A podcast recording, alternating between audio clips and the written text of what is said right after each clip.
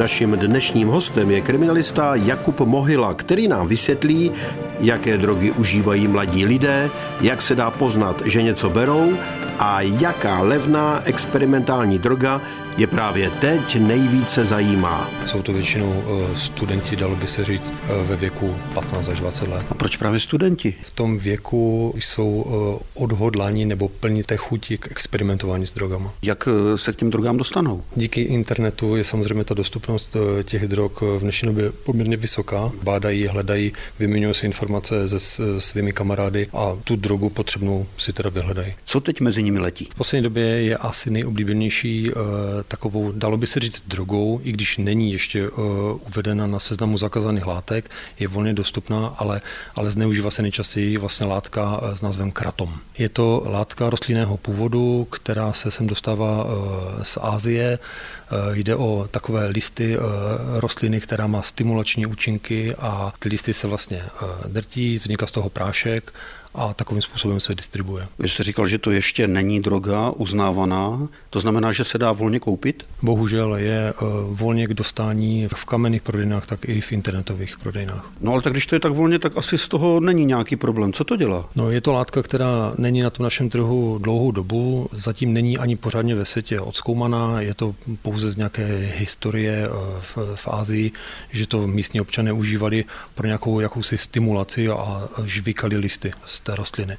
V malém množství eh, ta látka způsobuje stimulaci obdobnou, dejme tomu, jako kokain, takže člověk je takový nabuzený, má více energie, eh, nepocituje únavu a naopak eh, po užití většího množství toho kratomu, tak dochází vlastně k útlumu, je to obdoba jakoby opiát, takže ten člověk je unavený, spí, je takový apatický. Může nás to i zabít? Kratom při dlouhodobém užívání je velice nebezpečný, e, má neblahý vliv na třeba játru člověka, kdy to tělo se nedokáže pořádně vypořádávat s těmi látkami a neodbourává je. A taky samozřejmě může vzniknout určitá závislost. Při kombinaci s různými látkami, jako je alkohol nebo nějaké léky, může být velice nebezpečný pro tělo. Posloucháte rozhlasový seriál Bezpečný průvodce džunglí zločinu s kriminalistou Jakubem Mohylou. Stalo se, že se někdo předávkoval nebo že zemřel tady na tu látku?